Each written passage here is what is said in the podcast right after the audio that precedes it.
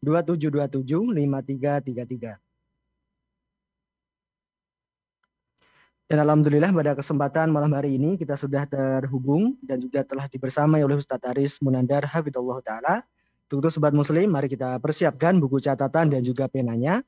Bersama-sama kita mencatat faedah ilmu yang akan disampaikan beliau pada kesempatan malam hari ini. Dan dari Radio Muslim, kami mengucapkan selamat menyimak kepada Ustadz Aris Munandar. Faliyatafadol masyukur.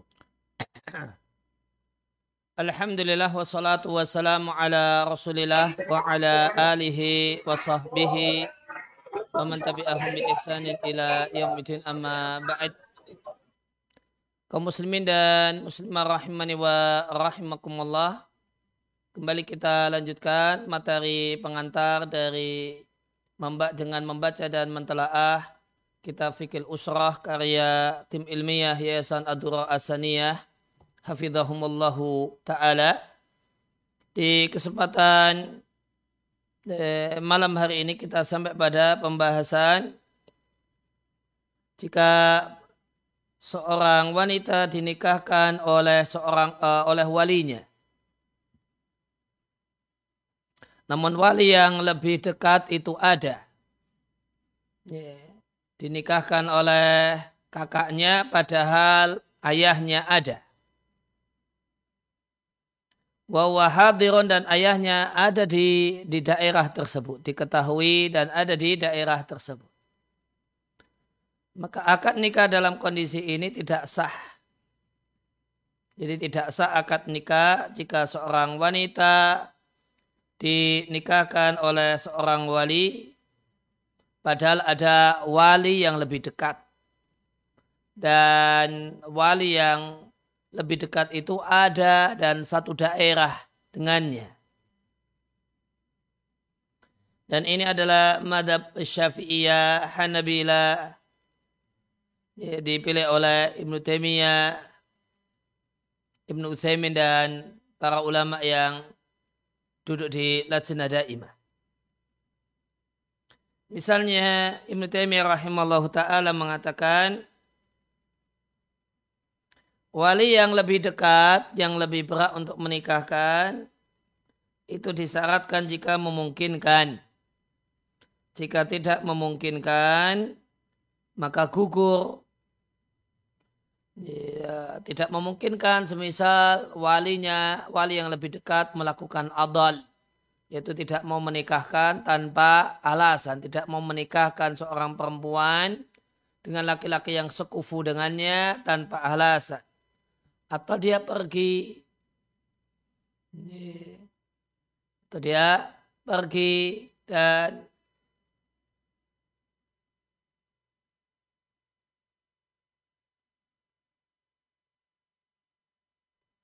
oleh karena itu eh, jika wali yang lebih jauh itu yang menikahkan padahal ada kemampuan untuk dinikahkan oleh wali yang lebih dekat lam yasiha. Maka akad nikahnya tidak sah. Dan wali yang tidak diketahui annahu maujudun apakah dia ada ataukah tidak maka ini adalah wali yang tidak mungkin untuk dimintakan izinnya. Fayaskutu bi'adamil ilmi karena tidak diketahui keberadaannya, maka gugurlah status wali ini. Demikian juga uh, Zain Nuthaimin rahimallahu ta'ala mengatakan, misalnya ada seorang perempuan, dia punya paman, dan dia punya anak paman. Dua-duanya wali. Lantas perempuan ini dinikahkan oleh anak pamannya, padahal pamannya ada di negeri tersebut, satu daerah dengannya. Fala nikahu, maka akan nikah yang terjadi tidak sah. Demikian juga atau ada paman, kemudian dia dinikahkan oleh kodi. Dia dinikahkan oleh KUA, dan kau menikahkannya sebagai dengan status wali hakim bukan karena mendapatkan mandat dari paman maka akad nikahnya tidak sah.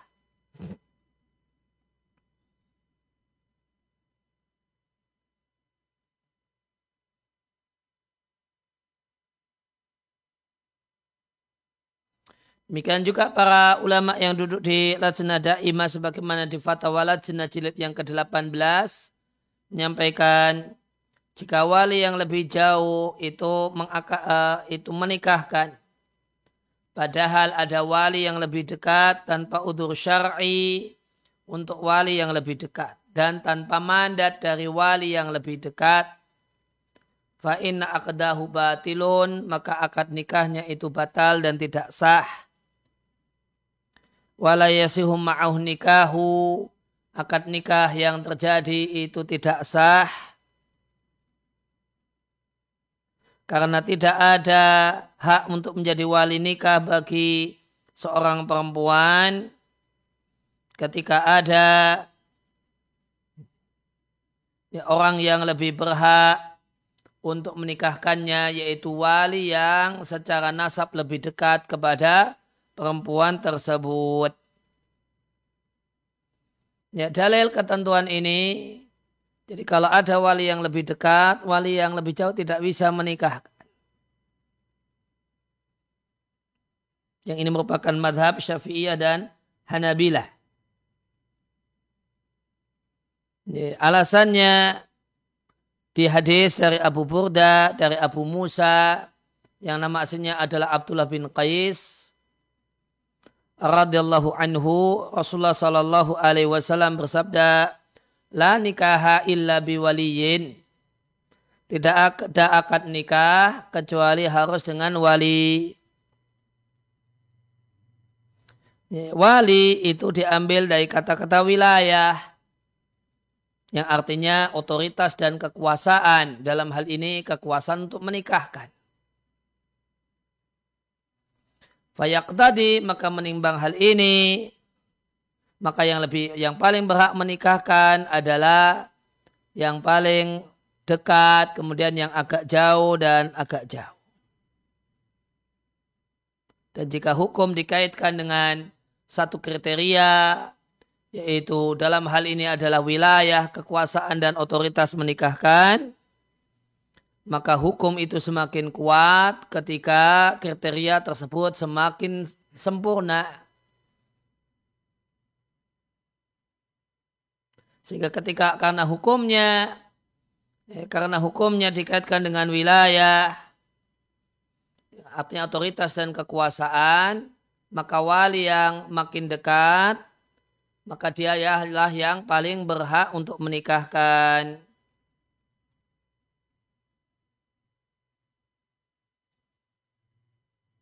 Maka tidak ada hak bagi orang lain ketika ada wali yang lebih berhak untuk menikahkan. Demikian juga akad nikah wali dalam akad nikah ini uh, urutannya sebagaimana urutan asobah.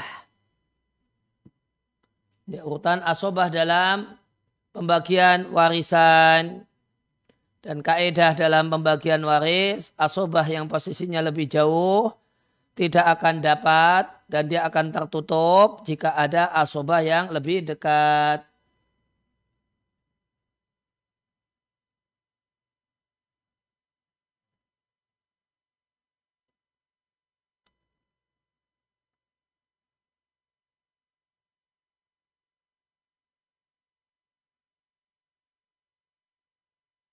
Nah, kemudian uh, pembahasan selanjutnya diperbolehkan bagi seorang perempuan untuk mengizinkan dua wali dalam menikahkan dirinya.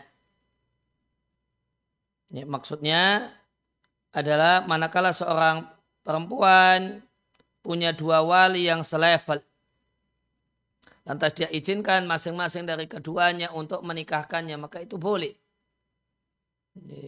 Dia punya empat paman misalnya. Ya, ayahnya itu ayah si perempuan ini sudah meninggal dunia, walinya paman, saudaranya ayah. Dan saudara laki-lakinya ayah ada empat. Maka empat orang ini selevel. Kalau dalam fikih tidak melihat, oh kalau Pak D berarti uh, lebih berhak daripada Pak Li. Tidak, tidak demikian. Semua paman, baik paman itu statusnya kakaknya ayah atau adiknya ayah, itu statusnya setara. Nah, jadi jika dia memberikan mandat, si perempuan ini meminta dan memberikan uh, meminta untuk dinikahkan oleh bukan hanya satu menaun dua, dia ngomong ke paman A sekaligus paman B-nya, maka bolehkah demikian? Jawabannya boleh. Dan ini adalah pendapat mayoritas para ulama Malikiyah, Syafi'ah dan Hanabilah. Karena mengizinkan untuk menikahkan itu hak perempuan.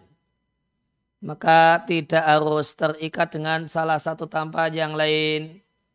Dan dalam kasus tadi paman ada sejumlah paman masing-masing dari mereka punya otor, uh, punya kelayaan untuk menikahkan si perempuan ini dan sebab uh, sebab otoritas untuk menikahkan ada pada masing-masing dari keduanya maka boleh bagi perempuan pengantin perempuan untuk mengizinkan dua-duanya sekaligus.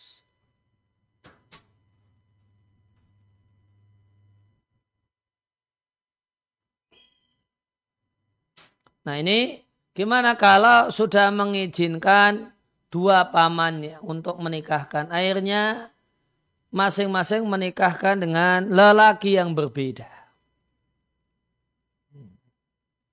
Jika ada dua wali menikahkan seorang perempuan dengan dua lelaki yang berbeda. Jadi sama-sama statusnya paman, ya setara. Dan statusnya sudah ngomong sama perempuan dan ia mau dan mengizinkan, memperkenankan kalau dinikahkan. Hanya paman A dan B nikahkan dengan lelaki yang berbeda. Dalam keadaan diketahui mana yang dahulu akad nikahnya. Maka jika ada dua wali menikahkan seorang perempuan dengan dua laki-laki yang berbeda, dan diketahui siapa yang akad nikahnya dahulu, maka sah akad nikah yang pertama dan batal akad nikah yang kedua dan ini kesepakatan empat madhab. Kata Imam Tirmidzi di Jami' Tirmidzi demikianlah yang di, menjadi pendapat para ulama. Kami tidak mengetahui adanya perselisihan di antara mereka.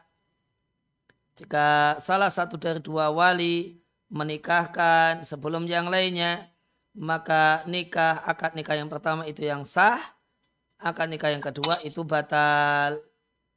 Dan jika keduanya nikah menikahkannya bareng di waktu yang sama, di jam yang sama, maka nikah dua-duanya batal.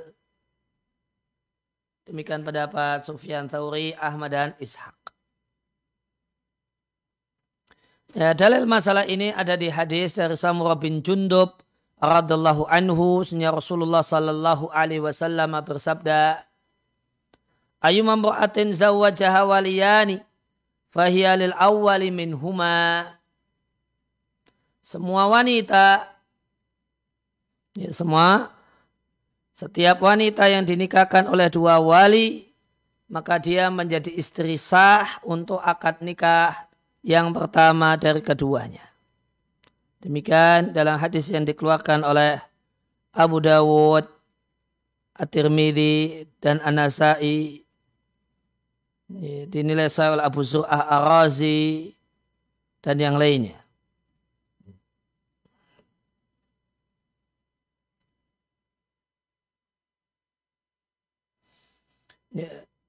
Alasan yang lainnya, maka akad nikah yang pertama, ini sah kenapa? Karena tidak ada alasan untuk mengatakan batal. Sedangkan akad nikah yang kedua, maka hakikatnya adalah me, menikahkan suami orang lain. Ini sudah istri orang lain sudah jadi istri sah seseorang kemudian dinikahkan. Fakana batilan maka ini tidak sah. Ya, dalam hal ini cuma kasusnya tidak tahu kalau itu sudah jadi istri lelaki pertama. Maka sama mau tahu mau tidak tahu hakikatnya adalah menikahi perempuan yang sudah bersuami sehingga akad nikah yang kedua tidak sah. Jadi alasan uh, yang ketiga akad nikah yang pertama itu akadnya terjadi pada sasaran yang tepat. Seorang wanita yang belum bersuami. Yang masih kosong, yang masih sendiri. Sedangkan akad nikah yang kedua itu bertepatan pada sasaran yang tidak tepat. Karena wanita ini dengan adanya akad nikah pertama dia telah terikat dengan akad nikah yang pertama.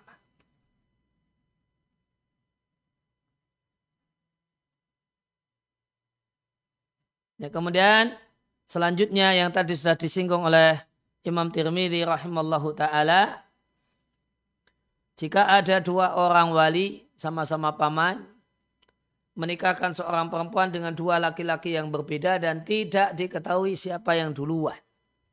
Atau terjadi dalam waktu yang bersamaan. Maka dua akad nikah itu dua-duanya batal. Dan ini adalah kesepakatan empat madhab. Alasannya karena dua akad nikah ini jatuhnya bareng atau tidak diketahui manakah yang dulu ataukah apakah bersamaan. Maka ta'adhal imdahu, maka tidak memungkinkan ada yang dinilai sah. Ini tidak dimungkinkan untuk uh, ada yang dinilai sah. Sedangkan hukum asal kemaluan adalah haram. Sampai jelas ada sebab yang membolehkan dan menghalalkannya. Alasan yang kedua, karena tidak ada alasan untuk bisa mensahkan dua-duanya. Dan salah satunya tidaklah lebih berhak untuk dinilai sah daripada yang kedua. Sehingga yang tepat adalah dua-duanya dinilai batal. Alasan yang lainnya, karena masing-masing dari dua akad ini dimungkinkan dia adalah akad nikah yang sah. Tapi mengatakan dua-duanya sah tidak mungkin. Sehingga ya sudah dua-duanya dinilai batal. Kemudian eh,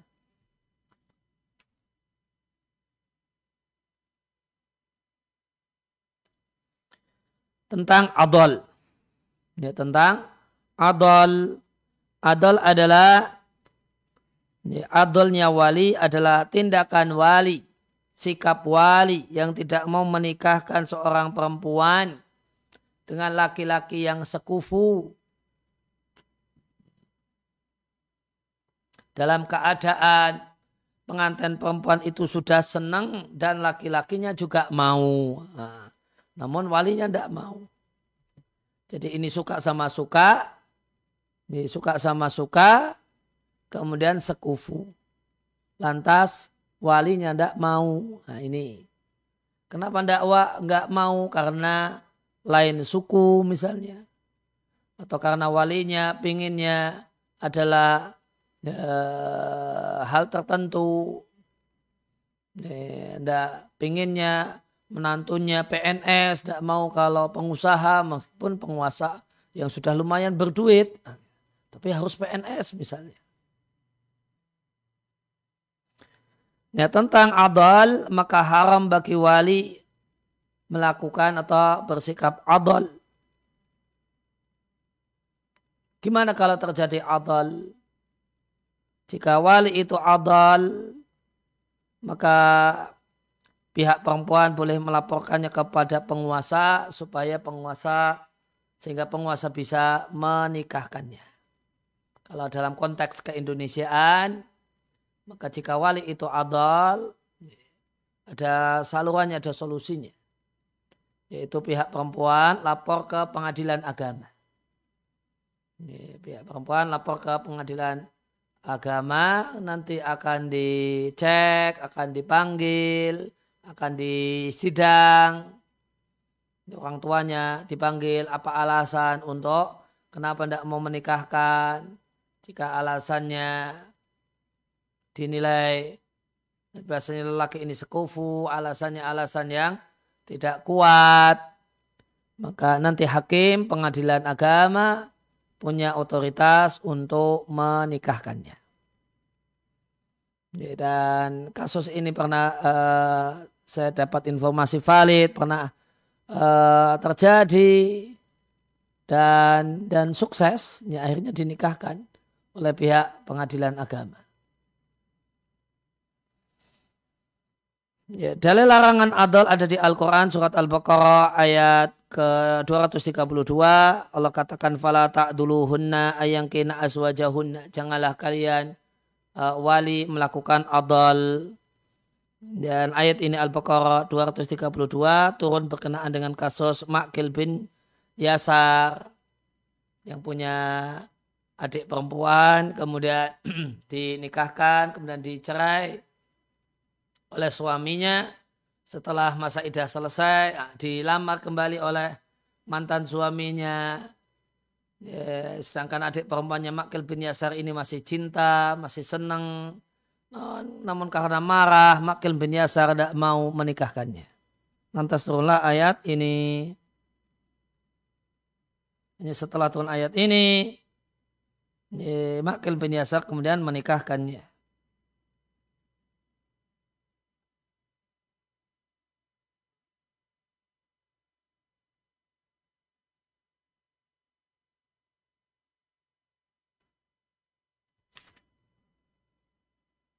Kemudian ulama pun ijma sepakat haramnya adal sebagaimana dikatakan oleh An-Nawawi. Beliau mengatakan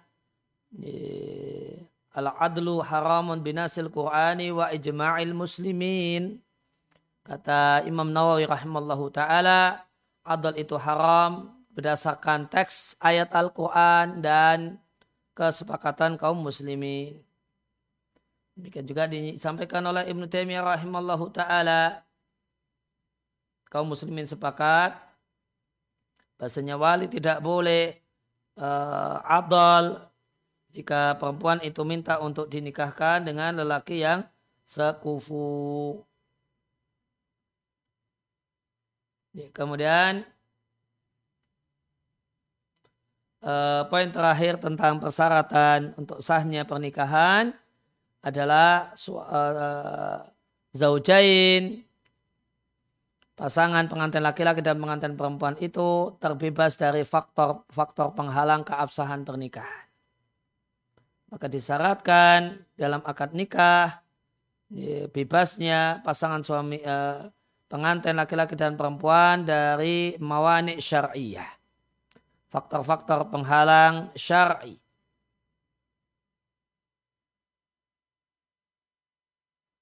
Ya, faktor penghalang syar'i misalnya beda agama atau si perempuan masih dalam masa iddah dan yang lainnya. Dan syarat bahasanya syarat sah pernikahan pengantin laki-laki dan perempuan dua-duanya bebas dari faktor penghalang. Ya, ini satu hal yang disepakati oleh empat madhab. Karena jika salah satu dari pengantin laki-laki atau perempuan ada pada dirinya manik faktor penghalang, misalnya ya, pengantin perempuannya itu masih ya, istri orang atau masih masa idah, maka adanya seperti tidak adanya. Sehingga seandainya nekat, akad nikah dilakukan, maka akad nikahnya tidak sah.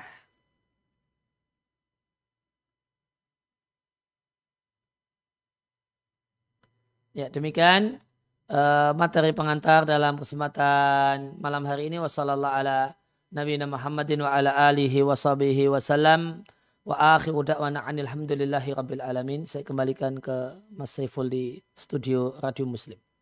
Nah. Jazakallah khairan Ustaz atas penyampaian materinya pada malam hari ini.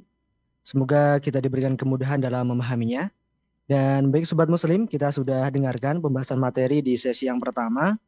Maka akan kita buka di sesi yang kedua Sobat Muslim, yaitu sesi interaktif. Sehingga Sobat Muslim yang mungkin ada pertanyaan terkait tema yang dibahas pada malam hari ini, atau berkaitan tentang hukum keluarga dapat bertanya via chat SMS ataupun WhatsApp di 0823 2727 5333.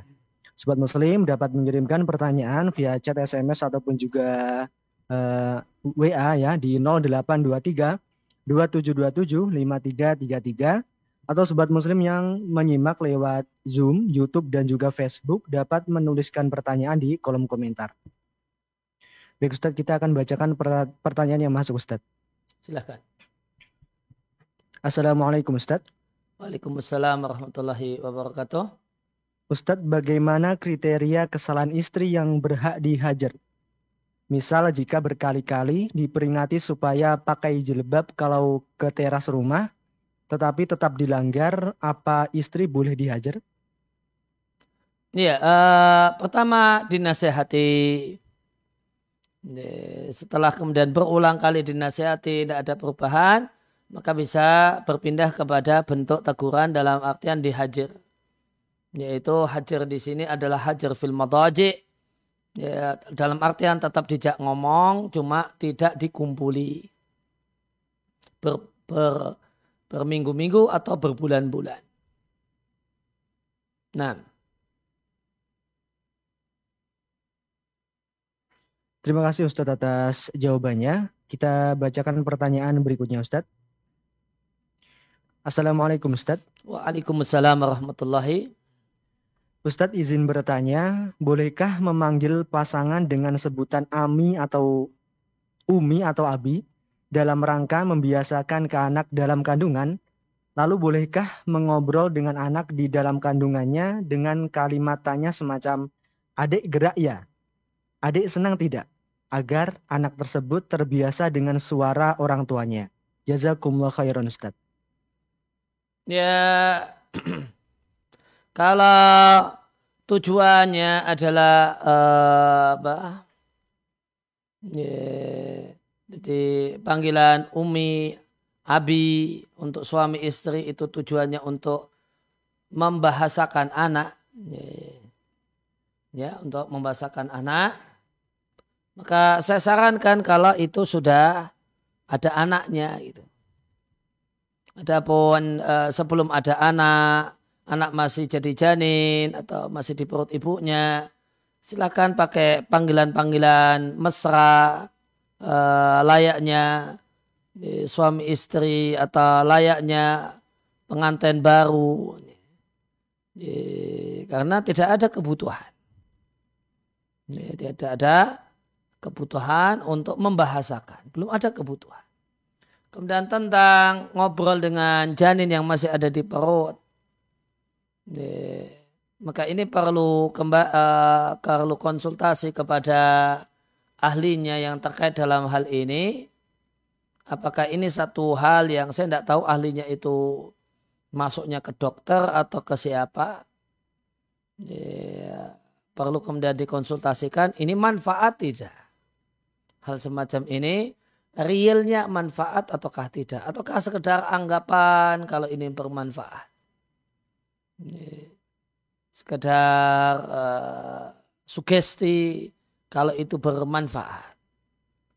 Ini kalau tidak terbukti itu manfaat, maka ini satu hal yang sia-sia. Kalau itu sia-sia ya tidak perlu dilakukan. Nah. Terima kasih Ustadz atas jawabannya. Kembali lagi kami ingatkan pada Sobat Muslim.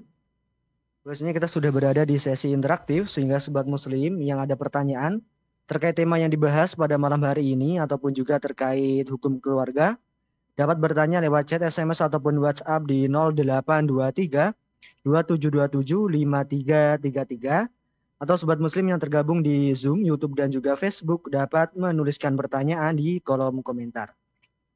Kita lanjutkan ke pertanyaan berikutnya Ustadz.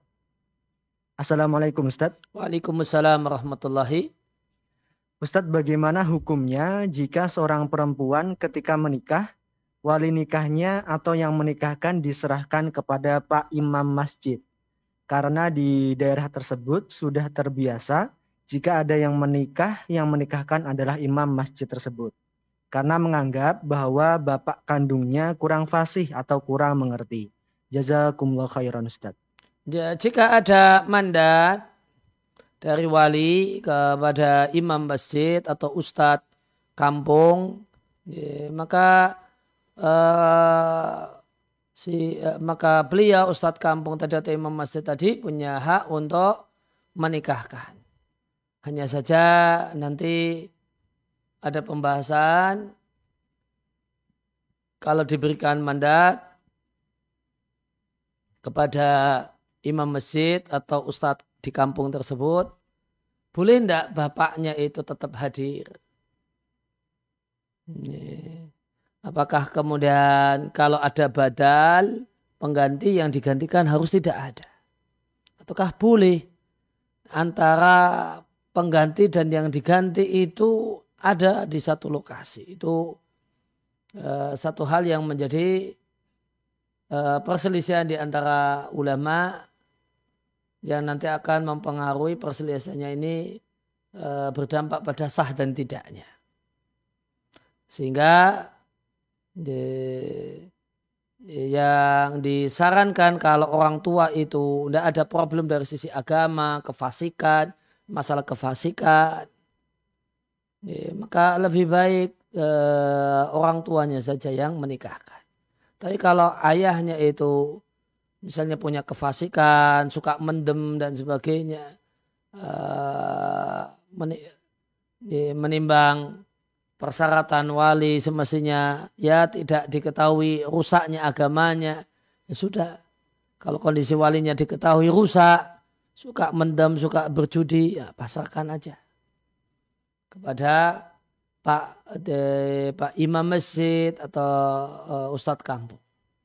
Jika tidak ada demikian, karena sering kali praktek di masyarakat kita ya, yang terjadi adalah e, pengganti itu ada dan yang diganti juga hadir di situ. Ya, menimbang hal tersebut, ya, saya sarankan untuk agar dinikahkan wali nasabnya saja. Kecuali jika ada problem pada wali nasab berkenaan dengan kualitas uh, keagamaannya. Nah. Terima kasih Ustadz atas penjelasannya. Kita bacakan pertanyaan berikutnya Ustadz dari Zoom. Ustadz izin bertanya, bagaimana jumhur ulama menjawab atas kasus dua orang wali, di mana dua orang saudara laki-laki dari bapaknya perempuan, dan dalam kondisi wali yang satu setuju, sedangkan seorang wali yang kedua menolak. Bagaimana jawabannya Ustadz? Jazakumullah khairan. Kalau menolak tanpa alasan berarti adol. Dan namun kalau itu sama-sama saudara bapaknya, sama-sama paman, setara mereka. Ya kalau paman Anda mau, untuk paman B mau dinikahkan paman B, tidak ada masalah. Akad nikahnya sah. Nah. Terima kasih Ustadz atas jawabannya. Kita lanjutkan ke pertanyaan berikutnya Ustadz. Bismillah, Assalamualaikum warahmatullahi wabarakatuh, Ustaz. Waalaikumsalam warahmatullahi wabarakatuh. Ustadz izin bertanya, saya seorang gadis yang saat ini sedang ta'aruf dengan seorang laki-laki dengan niatan ta'adud. Baik saya pribadi, laki-laki tersebut, istri pertamanya dan anak-anaknya sama-sama ridho. Yang membuat saya ridho dan yakin dengan ibadah ini karena Alhamdulillah Hingga saat ini melihat praktik ta'adud yang berjalan dengan baik, saya melihat sendiri secara langsung baik dari lingkungan sekitar saya yang sudah ngaji, dan terutama melihat sosok ayah sendiri yang memiliki empat istri dan alhamdulillah baik-baik saja. Suatu hari setelah calon suami dan istrinya menyampaikan niatan tersebut, kodarullah ayah dan ibu kandung saya tidak menyetujui secara sepihak dengan alasan tidak ridho dijadikan istri kedua. Saya telah mencoba mengobrol dengan beliau, namun alasannya boleh. Dengan syarat saya menjadi istri pertama dan tidak boleh menjadi istri kedua. Dengan artian itu disyaratkan dengan calon lain, bukan dengan calon yang saat ini. Saya kurang begitu paham Ustadz, apa yang perlu saya lakukan? Mohon nasihatnya Ustadz. Uh, yang perlu dilakukan adalah uh, melakukan negosiasi komunikasi dengan ayah dan di antara kalimat yang bisa disampaikan ke ayah ayah ridho itu jadi istri kedua ayah istri ketiga istri keempat ayah kenapa ayah tidak ridho anak perempuannya jadi istri kedua istri ketiga atau istri yang keempat apa apa beda saya dengan uh, dengan ibu kedua, ibu ketiga, ibu keempat. Sama-sama kami sama-sama kami sama-sama wanita. Ayah ridho uh, ibu kedua, ketiga, keempat itu di, hidup dalam keluarga poligami. Di, kenapa saya tidak diberi ridho untuk uh, untuk hidup dalam bingkai keluarga poligami itu di antara kalimat yang bisa diajukan kepada ayah dalam hal ini. Ya, karena sikap ayah ini ya secara objektif kita nilai tanakut. Dia tuntut kepada anak perempuannya untuk bikin syarat. Uh, kalau dia dan minta syarat kepada calon menantunya, ada syarat pernikahan, tidak dipoligami. Padahal beliau sendiri poligami dan tadi di, uh, disampaikan dalam teks pertanyaan poligami dengan empat istri. Dan dan sampaikan kepada ayah la yu'minu ahadukum hatta yuhibba li akhihi ma yuhibbu li nafsihi. Kalian tidak akan jadi orang yang betul-betul beriman sampai inginkan untuk orang lain apa yang dia inginkan untuk dirinya sendiri. Dia ridha untuk dirinya sendiri, mempoligami wanita kedua, ketiga, dan yang keempat. Kenapa dia tidak ridha terjadinya poligami kepada anak perempuannya sendiri dalam keadaan anak perempuannya mau ini dan rela. Nah itu uh, ya intinya komunikasi dan pendekatan ke ayah gitu. Nah. Terima kasih Ustadz atas nasihatnya. Kita bacakan pertanyaan berikutnya Ustadz dari Zoom. Ustadz, bagaimana hukumnya jika seorang perempuan dinikahkan oleh walinya, namun diketahui setelahnya bahwa si perempuan sedang hamil? Terima kasih. Mohon jawabannya Ustaz. Jika seorang perempuan ini dalam keadaan hamil karena zina, kemudian uh, dia akan nikahkan dalam keadaan demikian, ulama berselisih pendapat. Sahkah pernikahan dalam kondisi semacam ini? Dan pendapat yang lebih hati-hati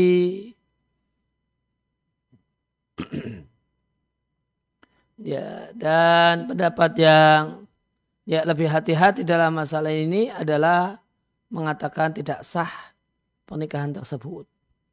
Sehingga karena sudah diakad nikahkan maka keduanya tidak boleh kumpul. Tunggu sampai melahirkan. Kemudian setelah lahiran nanti diakad nikahkan lagi. Dan itulah yang sah. Nah, Terima kasih Ustadz atas jawabannya.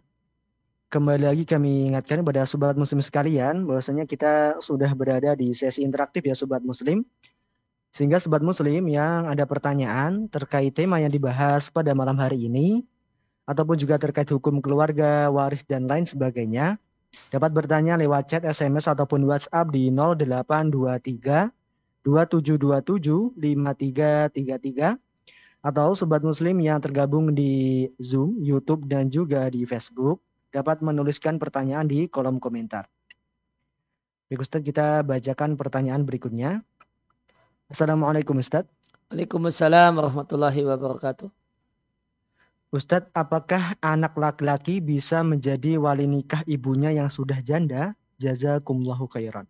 Uh, ulama berselisih pendapat dalam hal ini. Kalau tiga madhab, selain Syafi'iyah boleh dan bisa. Namun Syafi'iyah menilai bahasanya eh, anak laki-laki tidak bisa menjadi wali nikah untuk ibu kandungnya sendiri. Dan karena kita eh, berada di Indonesia yang eh, hukum-hukum pernikahan itu didominasi oleh madhab syafi'i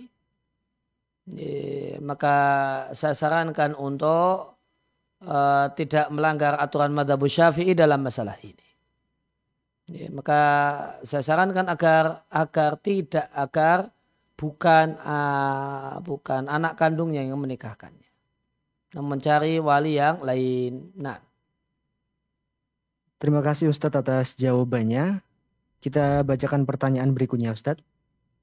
Ustadz izin bertanya, apakah bagi suami memandang sesuatu yang diharamkan termasuk selingkuh kepada istri? Karena di zaman sekarang sangat terbuka sekali akses godaan dan ujian memandang sesuatu yang bukan haknya, baik di jalan maupun di media sosial. Bagaimana kiat nasihat Ustadz agar istri tidak marah dan tetap percaya pada kita bahwa kita pasangan setia. Syukron Ustaz. Ya uh, intinya adalah uh, intinya adalah komunikasi dan rumah tangga itu dibangun di atas asas saling percaya. Di rumah tangga itu akan hambar jika penuh curiga dan tanpa uh, rasa percaya. Bahkan hilang kepercayaan. Ya, jika betul-betul hilang kepercayaan yang sama sekali tidak dipu, bisa dipulihkan, ya, lantas untuk apa satu atap? Untuk apa tetap jadi suami istri secara formal? Dan cemburu yang berlebihan ya, itu satu hal yang membuat perhara dalam rumah tangga. Ya, dan bahkan sebab terjadinya perceraian dan perpisahan adalah karena cemburu yang berlebihan. Nah. Terima kasih Ustadz atas jawabannya. Kita bacakan pertanyaan berikutnya Ustadz. Assalamualaikum Ustadz. Waalaikumsalam warahmatullahi wabarakatuh. Ustadz, Alhamdulillah saya seorang pria yang sudah mulai mengaji dan saat ini masih bekerja di lembaga pendidikan yang jauh dari sunnah dan masih tradisionalis. Saat ini ingin menikahi wanita yang dikenal pada saat kuliah dulu yang telah belajar di suatu mahat dan juga berasal dari keluarga yang sudah mengenal sunnah. Bagaimana hal tersebut Ustadz? Saya masih minder terkait pekerjaan. Mohon nasihatnya Ustadz. Ya, tidak perlu minder jika memang serius silahkan datangi orang tuanya dan sampaikan uh, rencana hidup Anda. Ya, sampaikan bahasanya saya ingin uh, melamar ya, anak perempuan ya, Bapak dalam keadaan pekerjaan saya demikian-demikian. Namun uh, ini pekerjaan saya yang sementara dan saya punya uh, punya strategi untuk membangun masa depan saya dengan istri uh, istri saya nanti demikian dan demikian. Ya, silahkan susun rencana hidup dengan baik dan tawarkan hal itu dengan penuh yakin, optimis uh, kepada calon bapak mertua dan jangan lupa banyak-banyak berdoa. Nah. Terima kasih Ustadz atas jawabannya. Kita bacakan pertanyaan berikutnya Ustadz. Ustadz bagaimana menyikapi seorang istri yang sering tersinggung bila diingatkan? Setelah diingatkan mengenai kesalahannya, dia sering menyendiri dan diam seribu bahasa. Mohon nasihatnya Ustadz. Ya, jika uh, tentu uh, orang itu ada orang yang cerdas dengan isyarat, dia bisa bisa bisa menangkap pesan kalau dia ditegur ya, namun isyarat ya, isyarat sudah cukup dia sudah paham ya, perbaikan apa yang harus dilakukan. Non ada orang yang tidak paham diberi isyarat tapi uh, tapi ya emosional ketika diberi nasihat belak-belakan.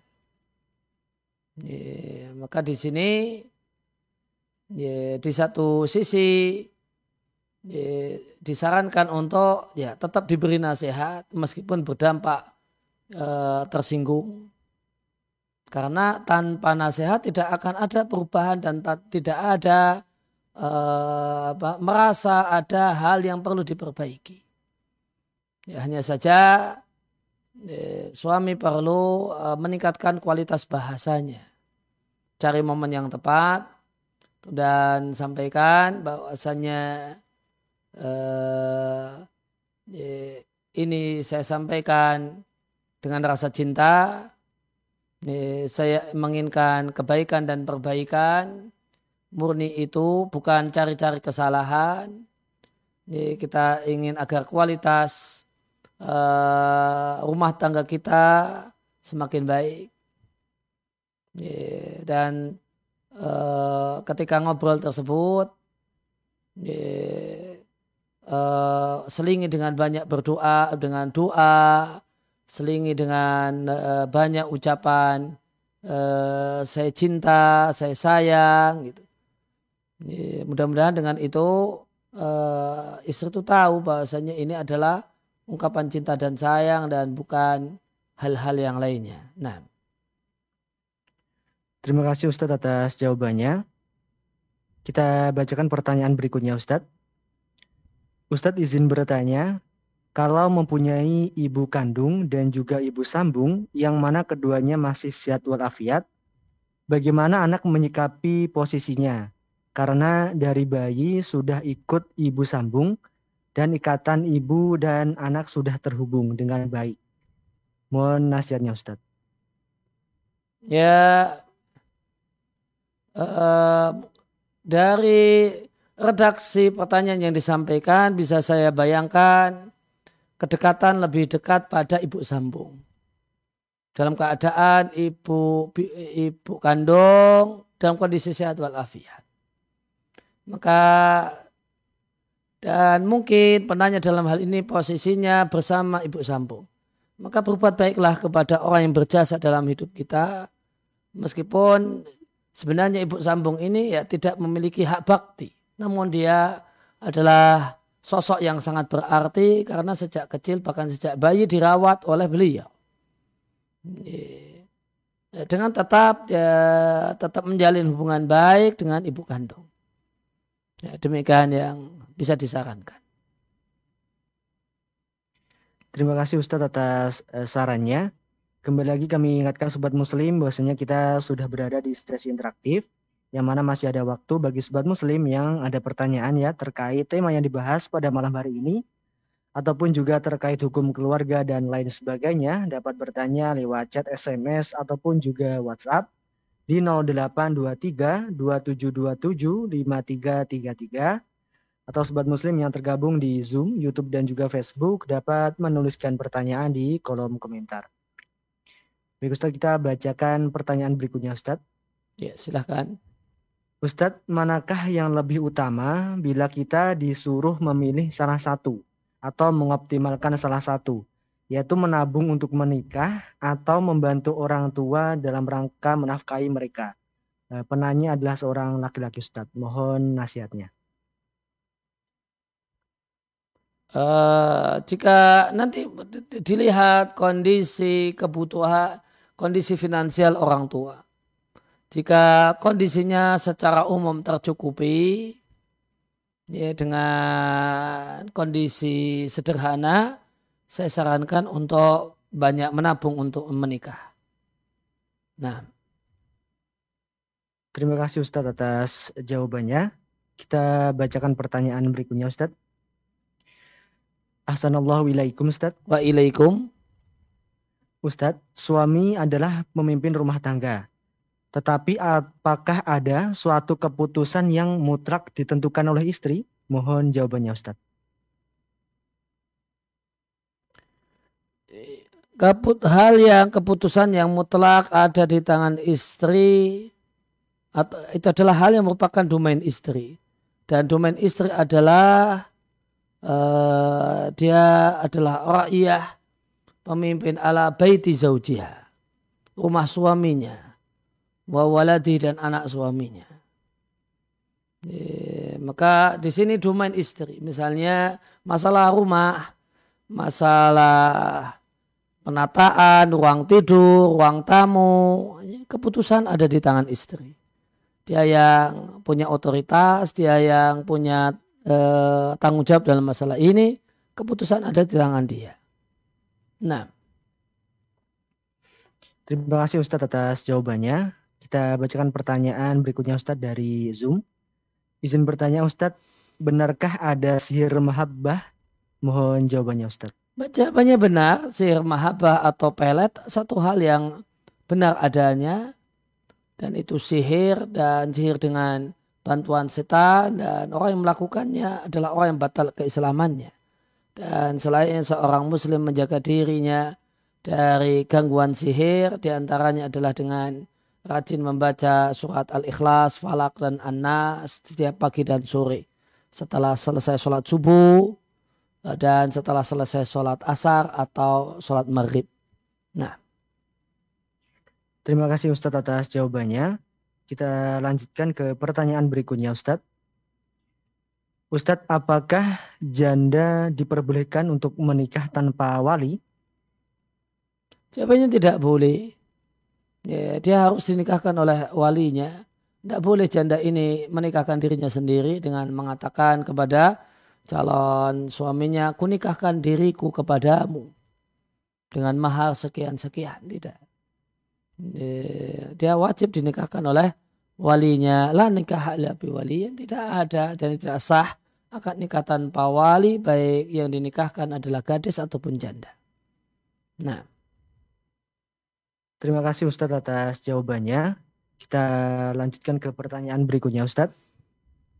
Assalamualaikum Ustadz. Waalaikumsalam warahmatullahi Ustadz, bagaimana cara mengobati rasa takut akan gambaran buruk laki-laki bila sedang marah, seperti memaki dan juga memukul?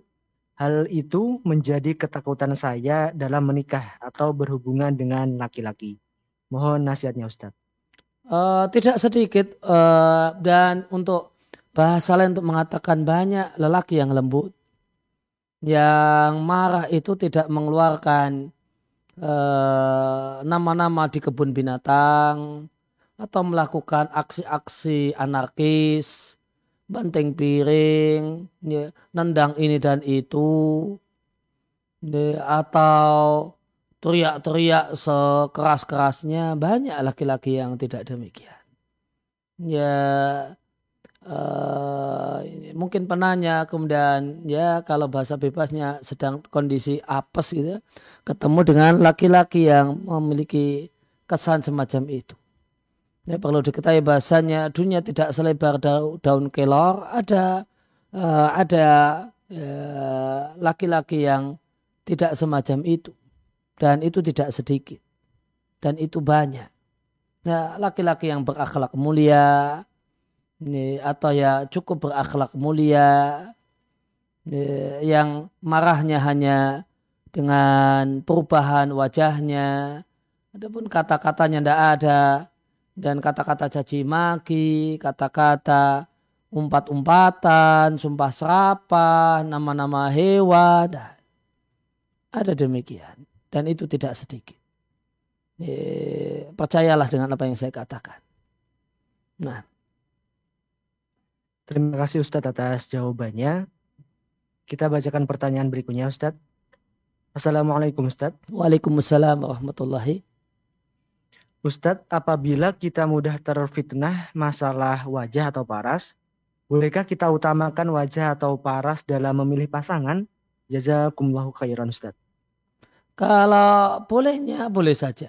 Namun percayalah nanti kalau sudah berumah tangga, kemudian e, ketemu dengan intrik-intrik, keributan, cekcok, nanti akan baru sadar. Wajah itu nilainya nomor sekian.